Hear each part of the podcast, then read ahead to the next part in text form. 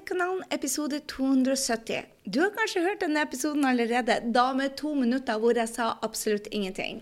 Du, denne introen til Helene har altså Jeg har laga den syv ganger, så jeg håper dette blir siste gangen. Men det er sikkert for at hun er verdt å bruke tid på syv ganger. Helene har altså vært med på Gründerkanalen i episode 84, 115, 201 og nå 270. Og er en av favorittkundene mine, drømmekundene mine, og ikke minst en venninne. Jeg jobba med henne fra Hun var på Nav, hadde veldig liten inntekt, kunne ikke leve av det, til nå hun har full frihet og begynner å bygge team. Det er bare så spennende når du går inn og lytter til de, de endringene som måtte gjøres. I første episode så hører du at det er litt sånn cowboy-gründerspire, og nå er det en leder du hører. Og hør på meg, hvis hun kan, så kan du gjøre det samme. Det vet jeg, for jeg har sett det gang på gang på gang når du lar deg inspirere andre, og du bestemmer deg for at det er din tur. Du skal gjøre akkurat det samme. Du skal lære deg 90-dagerssystemet, for vet du hva? Denne businessen som, som virkelig er en verdibedrift, den den er bygd på hennes historie, hennes kunnskap, hennes verdier, hennes virkelig alt.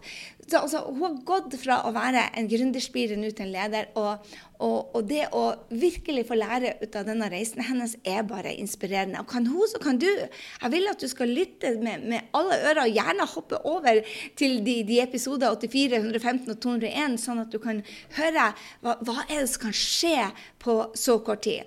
For det hun har gjort, er å jobbe 90 dager i gangen. 90-dagersplan til 90-dagersplan til 90-dagersplan. Hun har lært seg å måle tallene og bli bedre. For hør her, det å ha en gründerbedrift på nett du gjør det samme hver eneste 30 dager til du rukker tallene. Jeg blir å lære deg mer om det på eh, workshopen vi skal ha. Gå inn og meld deg på nå hvis du ikke allerede har gjort det. grysinning.no slash workshop. Og hvis du vil lære mer ut av Helene, så må du lytte til denne, denne eh, podkasten. Hun er bare fantastisk.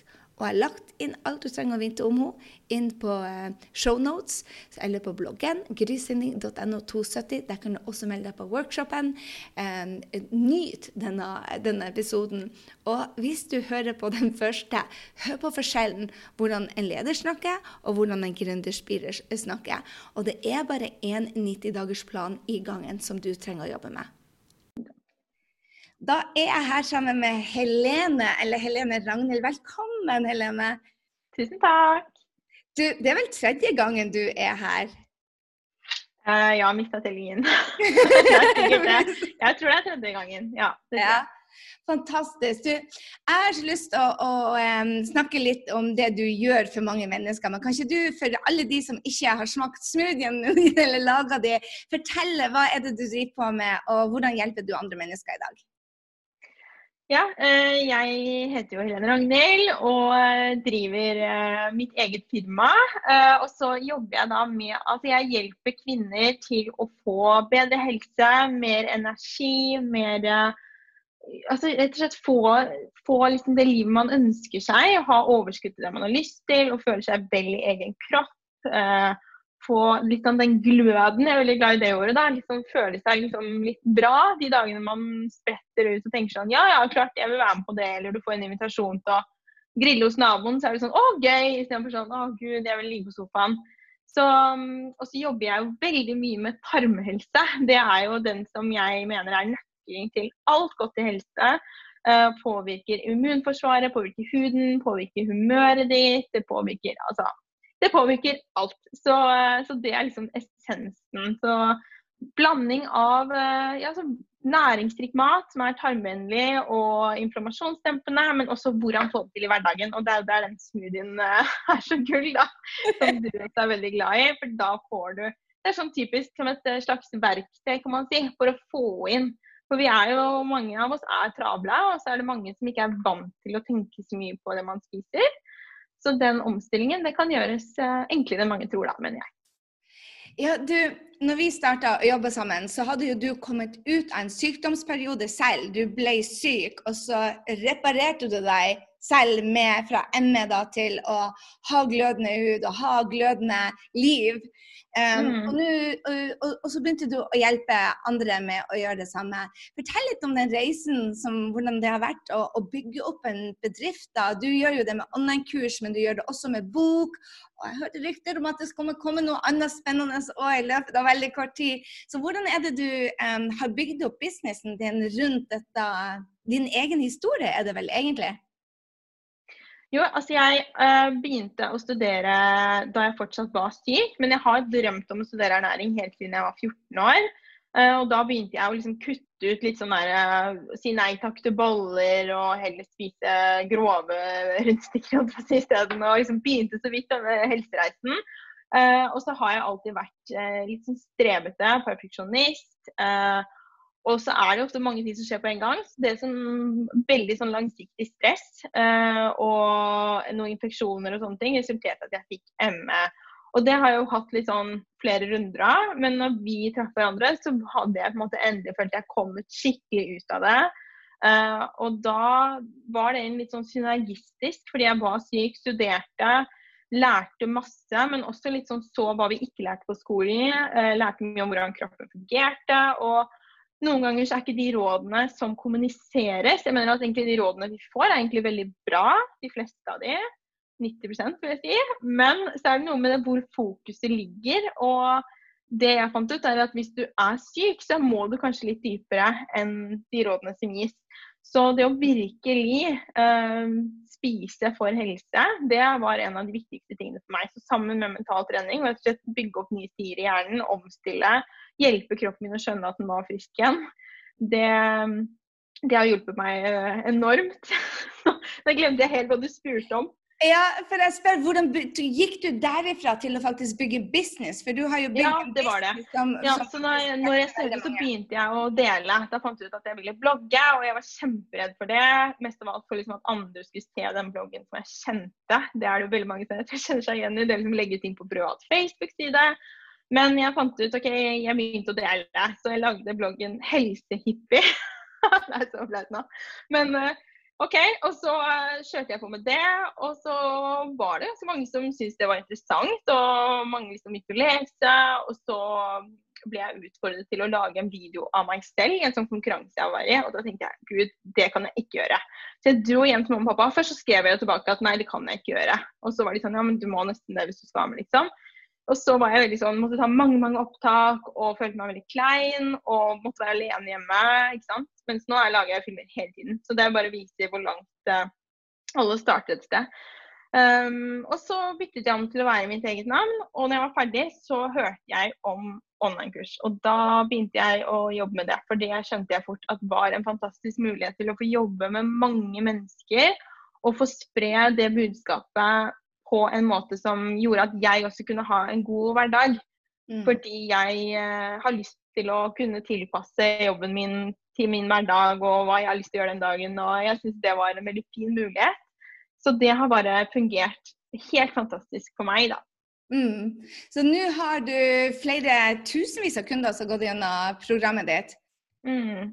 Og, eh, jeg har hatt mellom eh, de siste årene så har jeg hatt alt fra over 1000 kunder på et år til ca. Si sånn 600-700 eh, mm. siste årene i gjennomsnitt. da.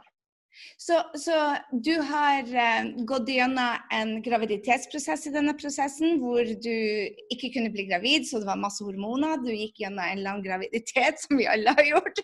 Men så hadde du en tøff fødsel, og du hadde en hjemmeperiode. Hvordan har det vært dette med å, å bygge business og være der for kundene? For, for, du er jo faktisk det når du har en sosiale medier, så er du jo der for kundene også. Hvordan har du balansert dette med å være småbarnsmamma, um, som tar veldig stor del del av det ansvaret. Altså, noen har jo au pair, du har tatt veldig stort ansvaret for, for deg og Lykke og, og, og familien din. Men eh, også bygd også en business da, som tjener penger og gjør en forskjell. Hvordan, hvordan har du gjort den, den jobben? Mm, altså, jeg har alltid eh, likt å dele, eh, og har en slags sånn trang til å dele. Eh, og det er jo ikke alle som har. Så jeg tenker man må på en måte finne ut hva som passer for en selv, hvor personlig man vil være for meg så har jeg hatt en sånn veldig glede i det. At andre kjenner seg igjen. Andre kan liksom det, Som f.eks. jeg ikke ble gravid, så hadde jeg kjempemange som jeg snakket med over nett, som var i samme situasjon. Og det var jo en veldig styrke, for det var jo ingen andre rundt meg som skjønte hvordan jeg hadde det, men det gjorde jo de. Så det var helt naturlig for meg å legge ut eh, veldig private ting. Eh, samme rundt fødsel og veldig den der prosessen man går gjennom når man på en måte blir liksom født som mamma. Det har jo endret businessen min veldig. Eh, både hvordan jeg ønsker å legge opp dagene mine, men også hva slags budskap jeg ønsker å ha. Jeg vil leve mer i tråd med mine verdier, for jeg ser at nå er jeg plutselig en rollemodell. Jeg kan ikke bare si én ting der ute og gjøre noe annet hjemme. Det føles liksom veldig feil. Så det har vært en veldig sånn en selvfølgelig tøff prosess. Og jeg har jo hatt en veldig, veldig tøff eh, sånn nybakt mamma-tid. Men, eh, og som du sier, jeg har hatt veldig mye ansvar. Jeg var hjemme med Lykke i halvannet år. Eh, og det var ikke noe pappaperm, dessverre. Sånn var det for oss den gangen. Neste gang så skal det være annerledes. Men da fikk jeg også muligheten til å altså jeg, Og så har jeg litt sånn som når jeg først får en utfordring Jeg fikk jo liksom høre at en venninne av meg, som også Marianne, som er uh, mammaklikken, hun hadde kjørt sin første lansering. Hun hadde to barn og bare jobbet på kvelden og sånn. Og da satt jeg faktisk på scenen på SED Live, tror jeg. Og så hørte jeg det, og så tenkte jeg sånn Fy søren, jeg vil også kjøre lansering med barn hjemme og klare det. Da satte jeg meg mål om å klare millionlansering med Lykke hjemme, og var 100% hjemme med henne, og det gikk. Så mm. det er nok også noe i meg som er litt sånn Det skal jeg få til. Og når mm. jeg først har den indre driven, så, så er det liksom ingenting som kan stoppe meg. Så det Ja, man må finne sine grunner til å gjøre det. Kanskje noen er mer Ja, man vil få ut et budskap av en annen årsak. Men det å se at andre også kommer liksom ut på andre siden og ser at OK, det her er faktisk noe jeg kan gjøre. Jeg brenner veldig for det å selv ta ansvar for helse. Eh, I Norge så er vi veldig vant til at liksom andre kommer og hjelper deg. og det er sånn, ja, ja, det skal jeg få gå til legen, mens jeg er litt sånn, legen kan ikke fikse meg. Det er min erfaring, og jeg må fikse meg selv. Så jeg tror veldig mange har godt av å se det, og den fikk, erfaringen fikk jeg også igjen når jeg fikk Lykke, fordi at hun var syk, og jeg måtte selv ta tak for at hun skulle få det bedre. Så jeg ser at jeg får det best når jeg selv tar ansvar, og jeg ser at også veldig mange andre trenger kanskje litt sånn sparket bak, og litt til, nesten sånn tillatelse til å gjøre endringer. Vi er veldig redd for å være annerledes. Veldig redd for å liksom ha med salat når alle andre har skive. Og det trenger vi bare å føle liksom community rundt, og det har jeg jo også på Instagram. ikke sant? Altså, der er det andre som syns det er kjempestas med smoothie og liksom krosen egne spirer eller velge annerledes mat. Eller, altså, så det er veldig gøy, da. Så hva har vært den, den største utfordringa di når det gjelder å bygge business? Hva har vært den aller største utfordringa di i denne perioden hvor du har bygd? Det har vært tre år nå hvor du, du Da vi begynte å jobbe i lag, så hadde du vel solgt 60 kurs eller noe sånt i løpet av et år? Ja, 80 tror jeg. 80 kurs. Ja, to ganger 40. Ja. Um, altså En av utfordringene var veldig det å vite hva man skal gjøre. Jeg føler at Mange snakker veldig sånn altså Uansett om du hører på businesspodder, Eh, det er kanskje blitt litt mer kultur for det nå. Ja, du kan google deg til alt, men det tar veldig lang tid. Og i hvert fall nå når jeg har barn, så har jeg bare ikke den tiden sånn som jeg hadde før. For da kunne jeg jo sitte en hel helg og lage en hjemmeside Han syntes at det var kjempegøy. Og nå går ikke det. Nå må jeg outsource ting. Men det å liksom faktisk få vite, og ikke minst å få lov til å komme inn i en gjeng med andre kvinner som også driver business, for det er mange utfordringer man møter på det kan være alt fra forventninger som man tror andre har, eller altså, Det er så mye. Så det å komme inn i et miljø hvor andre har stått i dine utfordringer og vise at sånn kan du løse det, eller man får brainstorme, det er veldig nyttig. Men også få vite liksom steg for steg. Uh, men jeg vil si noen av de kodene som jeg har knukket, er å snakke til den kunden jeg faktisk vil ha. Og mm. den har jeg også brent meg på senere, og lærer igjen at jeg må være enda mer skjerpet på. fordi at hvis jeg snakker til feil kunde, så får jeg kunder som ikke Enten at de ikke egentlig har lyst til å legge om kostholdet, de vil egentlig at jeg skal gjøre jobben for dem. Mye sånne ting. Og det er ikke noe galt med de menneskene, men ikke, de får ikke resultater ved hjelp av meg. De trenger kanskje noen som holder hånda deres privat gjennom hele greia. ikke sant? Og det, det er ikke sånn jeg ønsker å jobbe. Så den har jeg lært veldig mye om. Hvordan nå kunden, hvordan snakke deres språk. Um, andre ting er jo ja, struktur, planlegging, ta businessen din seriøst. Det må jeg også minne meg selv på hele tiden. For jeg kommer ofte inn i rommet andre som driver, Og så kan jeg høre at de liksom snakker sånn Jeg har gjort dette og dette og dette, og sånn er min business, og de har sånn, og her er våre verdier. Og så er jeg sånn Jeg har gjort det altså ikke bedre, men jeg har jo tjent dobbelt, trippelt av disse menneskene, liksom. Og så blir jeg bare sånn Hvordan klarer de å være så sånn Her er jeg i et rom, mens jeg er sånn Her er jeg. Så det er noe jeg må jobbe med hele tiden. Så jeg tror ikke at verdien, altså, utfordringene dine blir ikke borte, men kanskje du blir litt mer obs på det, og så ser du hva du må jobbe med. Og da må det jo være et miljø hele tiden som minner deg på det. Ja, ikke sant. Hva, hva, føler du har vært den største win i de siste årene i businessen din? Hva er det du har satt mest pris på eh, av frihet, eller eh, perioder som har vært veldig bra for deg? Er det noe som skiller seg ut i din karriere, businesskarriere som du tenker er høydepunkt? Høydepunkter um, altså Jeg syns det har vært fantastisk å få lov å jobbe med så mange. Uh, alltid tilbakemeldinger jeg får, er jo på en måte det beste. Og det er jo også veldig mye i hverdagen. Det trenger ikke være bare for de som går kurs. Men det er ofte de som kanskje ikke har vært nesten noe Uh, ikke at de er bedre, men det er kanskje de som endrer meg mest. Det er de små jeg får fra folk som nesten ikke sier noe i gruppa, nesten ikke gjør noe. Så plutselig er de sånn ja, jeg har lagt om hele kostholdet mitt, jeg har gått ned 15 kilo, hele familien min spiser bedre. og liksom Det er så mye sånne ting. Og hvor, ja, Da blir jeg så imponert over hvor flinke folk er, og hva de får til. og Det syns jeg er utrolig inspirerende selv. Jeg blir kjempeinspirert av alle følgerne mine. Og jeg jobber mye med å prøve å åpna opp for også å lære mer av andre. Fordi jeg føler til å ta på meg litt en sånn rolle at jeg, jeg må være perfekt, og alle må se meg som perfekt. Hvis ikke så tenker de ikke at jeg kan noe lenger.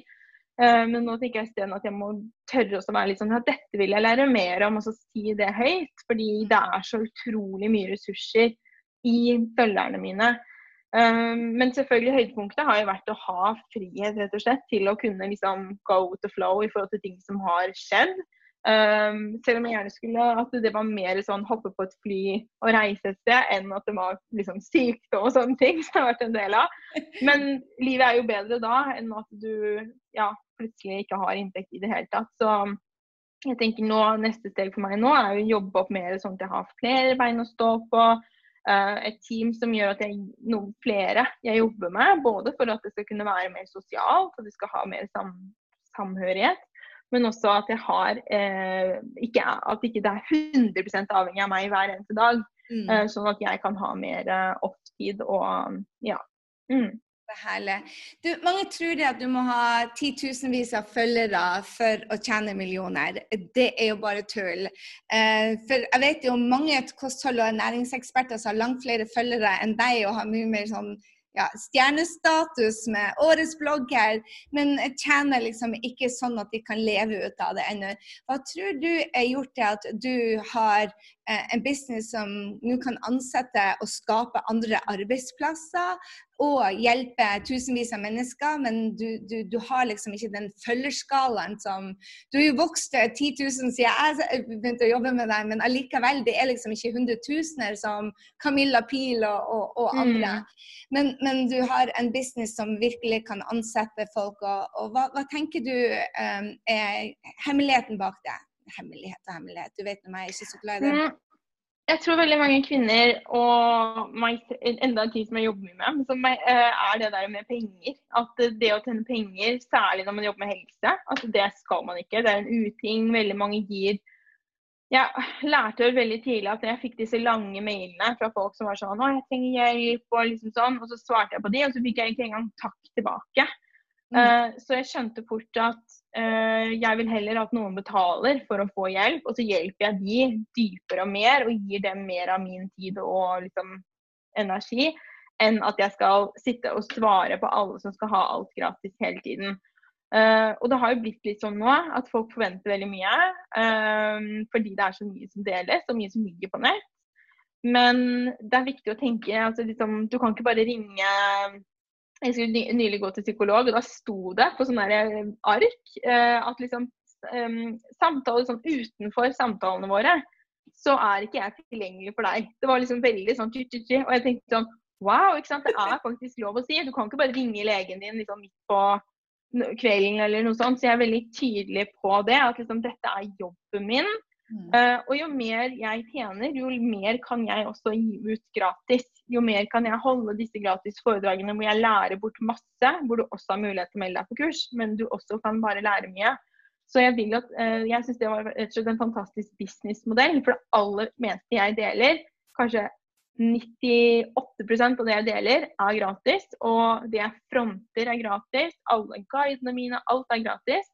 Og så er det den lille prosenten igjen hvor jeg er sånn Har lyst, så kan du kjøpe et kurs og lære mer og jobbe med meg. Hvis ikke du liker det, så trenger du ikke det. Og det syns jeg er en fantastisk måte, istedenfor å pushe, pushe, pushe. Prøvd litt mer sånn influencer, hvor du liksom kanskje mer bygger følgere. Hvis jeg hadde gitt liksom masse, masse, masse, masse, masse mer ernæringsjon hele tiden, så kanskje jeg hadde bygd mer følgere. Men jeg har liksom min gjeng som er veldig bra, som kjenner meg utrolig godt. Mange har fulgt meg i mange år. Uh, og det er også veldig Det gjør at jeg kan bare være meg, og det, det er jeg veldig takknemlig for. Jeg, jeg, klarer ikke den der å være sånn jobb og, og skille det hele tiden. Jeg må få lov til å bare dele hvis jeg har en mening om noen ting, eller Ja. Så jeg, jeg trives med den måten å jobbe på. Jeg tror det er litt forskjellige businessmodeller, og at jeg så veldig tidlig at det her var noen ting som kunne fungere for meg, noe jeg kunne tjene penger på, og at jeg da kan gi tilbake. Og det, det trives jeg veldig godt med. Men du hadde kommet ut av en, en, en, periode hvor du ikke tjente penger, hvor du var også, som meg, tror jeg også var på Nav. Uh, mm. Så hvordan torde du da å investere? For du må jo for å bygge denne businessmodellen, så lønner det seg å få hjelp hvis det ikke skal ta ti år med googling. Mm. Eh, og du får ja, ja. så sprikende råd der ute også. Hvis du tar og plukker litt her og litt der, så tar det fem år ekstra. Men, men, du investerte for å lære modellen, men du hadde ikke de pengene. Hva tror du gjorde det at du stolte så mye på deg selv at du sa bare jeg investerer for jeg skal få igjen pengene mine? For det var Når jeg begynte å jobbe med deg, det var så sikkert. Du var så sikker på at dette var en investering du skulle få igjen. Hvor hadde du den tryggheten fra? Og hvordan torde du å hoppe uten å investere i deg selv? Uten å da egentlig ha 100 garanti? Mm. Jeg tror det er en av mine verdier er at jeg jobber, uh, og særlig at når jeg har investert i noen ting, så gjør jeg det. Akkurat som, altså, det har lært helt siden jeg var liten at liksom, når mamma og pappa hadde betalt for de fiolintimene, så skulle jeg på de fiolintimene, selv om jeg ikke ville spille fiolin mer. så det var liksom veldig, det tror jeg bare er innprintet til meg, og det har vært sånn helt siden jeg studerte ved hjelp av, uh, av Nav fordi jeg var syk og fikk det gjennom. Eh, og da var jeg også veldig sånn Jeg skal jobbe med ernæring. Og de sa jo at eh, vi tror ikke du kommer til å kunne tjene noe penger på det, du kommer ikke til å kunne leve av det, du kommer ikke til å klare studiet. Så heldigvis er det jo en solskinnshistorie der. Var en eller annen høyt høyt opp i Nav som trodde på meg. Jeg vet ikke hvem det er. Jeg skulle sendt dem et takkebrev. Men da også var jeg veldig sånn Jeg får dekket dette. Det var en selvfølge for meg. Jeg gikk ut med kun AI, og det var målet mitt. Så altså, jeg er en som jobber når jeg har investert. Og det tror jeg på litt sånn, altså veldig sånn energetisk også. at man hvis jeg tar imot en gratis yogakurs, så føler ikke jeg at jeg kan liksom, Eller en gratis fotograf, da. Hvis noen sier at jeg kan ta gratis bilder av deg mot at du liksom, promoterer meg på Instagram, så føler ikke jeg at jeg kan si sånn Jeg vil ha bildene sånn og sånn. Liksom, det blir ikke riktig. Så for meg så har det fungert. Og jeg, tror det var særlig da jeg liksom investerte i mastermind hos deg, så var jeg veldig sånn det var mye penger. Litt sånn folk bare Jeg turte ikke å si til andre hvor mye penger det var. Og da jeg da kom dit, så skjedde det ikke at jeg skulle bare være sånn la-la-la, ikke gjøre jobben. Så det er rett og slett en verdi for meg. Så det Jeg kan ikke svare på det noe bedre enn det. Altså, herlig. Jeg, jeg, tror, jeg vet jo også det at du, det er verdiene dine. og Du, er, du har laga en verdibedrift. Det er jeg så imponert over. Du, gjør, du følger systemet, og så med en gang du ser at det funker, tweaker du det til å passe dine verdier. og Det er mm. bare den riktige måten å gjøre det på. For det som passer meg, passer ikke til deg. Man må virkelig lytte til hva som er riktig. Men det er lurt å gjøre det etter man tjener penger, i hvert fall. Så det, jeg, har et, jeg, har et, spørsmål til deg som, som, jeg tenker for at Målet mitt med disse intervjuene er å vise at hvis Helene kan gjøre det der hun var syk og sliten egentlig, og tjente ikke penger, men så har du nå en bedrift som omsetter for millioner og hjelper tusenvis og har gründerfrihet. Og da tenker jeg at hvis du klarer å gjøre det, så kan andre gjøre det. For den reisen din har bare vært helt altså, selvtillitsmessig med hvordan du eier rommet når du går på scenen, hvordan du står foran og kamera og tar direksjon. Jeg er bare så imponert over det du har fått til, og det du gjør, og de du hjelper. Men jeg tror virkelig at alle kan gjøre dette. Hvis du skulle gi et tips for en som er der du var, som ikke har energien, som ikke helt vet hva de skal gjøre, som ikke helt vet om de kan bidra. Hvor, hvor ha, hva er ditt tips til dem for at vet du hva, våkne opp, jenta mi, og, og gjøre noe? Ja, det er sånn, hvis Når du står og stamper og du har lyst Men altså, for det første så tror jeg det går mye på frykt. Uh, det at man ikke tør, det at man tenker at alle andre er så opptatt av det du gjør. altså Det, gjør, det er det jo ikke. Uh, og jo mer sånn Jeg vet jo at veldig, altså alle rundt meg er jo superstolt av det jeg får til. Og kanskje de syns det var rart at jeg Så det må du bare bruke som sånn fuel for your fire. Jeg husker når jeg var veldig på sånn Jeg hadde Facebook Live klokka åtte tre ganger i uka. Og da måtte jeg og Jon Anders hjem når vi var hos svigers, fordi jeg skulle snakke om tarm på Facebook. Og det var sikkert ikke så mye de skjønte. Men nå skjønner de jo det, ikke sant. Uh, til en viss grad. Det må fortsatt være sånn. det er fortsatt jeg som må sette rammer for min jobb, ikke sant. Så det å utfordre deg på det og tenke at OK, men dette er, det er det jeg vil, og må tørre å gjøre de tingene vi vil. Jeg kan kjenne på at jeg syns det er skummelt å jogge. Fordi Tenk om folk liksom møter meg og bare Å, herregud, liksom, er hun på joggetur? Er ikke det liksom, Passer det for henne? Altså, Hadde du noen gang tenkt det hvis du møtte meg, at det var sånn sykt klein til en jogger? Nei. Vi har så mye sånne rare, teite frykter. Så den er jo én. Men en annen ting er jo at du må investere i å lære deg på en måte stegene for å komme deg dit. Og hvis du gjør det og bestemmer deg for det, velg én ting. Det er for det første ikke liksom kjøp åtte kurs og ikke ta noen av de. Men følg, gjør det jobben. Jeg tror veldig mange tror at jeg ble med i masteren, de som kjenner deg, da, og som er, liksom, de har møtt meg før, så tror jeg veldig mange tenker at liksom, jeg ble med at man hadde masse følgere, hadde liksom alt på plass. og bare Jeg satt og så alle filmene hvor Henrik snakker veldig sakte. og, og, det var før du kunne speede opp? det var før man kunne speede opp. Og bare OK, trykk her, trykk her, skriv inn der. Og da var det ikke ett program heller. Det var liksom sånn, når vi begynte å jobbe sammen, det var, jeg husker første møte var liksom rett før jul. Det var sånn, Jeg var hjemme i jula, hadde det på pappas kontor eh, hjemme. Og da var det jo bare sånn Alle disse programmene skal du bruke, og de skal liksom alle merges. Og det var teknisk og Men det gikk jo helt fint. Og det er liksom bare man, Men da må du faktisk gjøre jobben. Da kan det ikke være sånn en gang det er vanskelig, så bare Nei, da lukker jeg Mac-en og liksom heller ser på Grace Anatomy. Det er selvfølgelig frister det, men da sånn som min løsning da var sånn med en gang jeg kjenner den følelsen at liksom, i dag så har jeg sånn vil ikke i dag, så er det sånn OK, da skal jeg ut. Da skal jeg ikke sitte hjemme og jobbe. Ikke, sant? Ikke, ikke la deg selv gå i de fellene. For det, hvis du vil ha en jobb som ikke er hvor du på en måte jobber på Hvor du må være et sted da og dra hjem da. Noen elsker det. Min samboer han elsker å ha sånn jobb. Ha det bra, nå er jeg fri. Han, vil ikke, han har ingen heller sånn hobby. Mens jeg er sånn som bare jeg skaper, jeg strikker, så vil jeg det. Og så pusse opp. Altså. Så hvis du vil ha en sånn jobb og ikke kjenner at du klarer den der, så må du gjøre jobben. Mm. Og det tror jeg er det å liksom faktisk innse det og begynne å ta det alvorlig, det er det som hjelper meg mest i å mm. få til ting. Og om Vær rundt andre. Om det ikke er mastermind eller så, altså bare hør på podcaster. Det har du snakket så mye om. at Du kan ha mentorer selv om de bor på andre siden av kloden helt gratis. Hør på, um, hør på disse tingene. ikke sant? Hør på Power Ladies, den podkasten f.eks. Der er det masse sånn hvor du bare Fy søren, altså, folk får til ting. Jeg har lyst til å gjøre dette. Og det å tørre å liksom, få ballen til å rulle på ting. Uh, og se spenningen i det. det. Ja. Så det er masse tips. Det er tusen, så mye å ta tak i. Vi må gjøre jobben. Du er fantastisk. Og for all del, jeg må bare legge til det at uh, du kan gå og laste ned guiden uh, i, i shownotene, selvfølgelig, og få med deg den, den smoothie-guiden. Den er helt gull. Og jeg er så enig i deg. Altså, det at, at magen er vår andre hjerne, og like viktig som å ta vare på vår mentale helse, det er jeg ikke i tvil om. Og det tok meg altfor lang tid til å forstå det. Uh, og jeg tror at de fleste sykdommer kommer fordi at vi ikke putter i det riktige. Og så for all del, ta dette seriøst. Følg Helene, og tusen, tusen, tusen takk for at du ville dele. Veldig koselig å være her. Jeg mener det virkelig.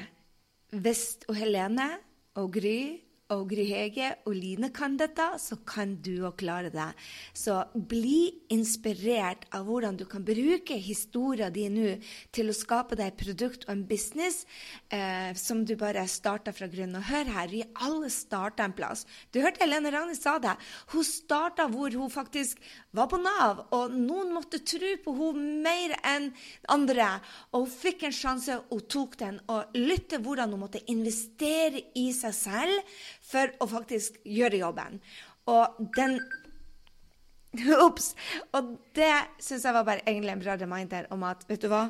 Det er på tide å stoppe. Gå og få med deg workshopen som vi skal ha. Grysynding.no slash eh, workshop.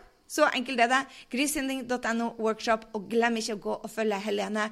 Du finner henne på shownotene, eller gå inn på bloggen episode 270, grysynding.no 270. Der finner du hennes Instagram, som er en av mine aller mest favoritter ut av alle de jeg følger. Det er den jeg er mest engasjert på, fordi at du lærer så utrolig mye om henne og den åpne ærligheten hennes. Hun legger ikke noe imellom. Så gå og følg henne, kjære venn, og så høres vi i neste uke, hvor du skal få møte Torunn Utrehus.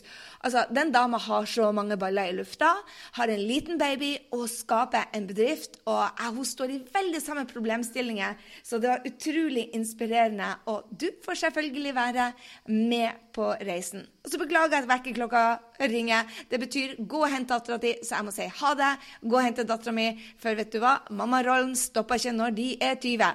Med det, ha en strålende uke, og jeg håper jeg ser deg på workshopen til uka.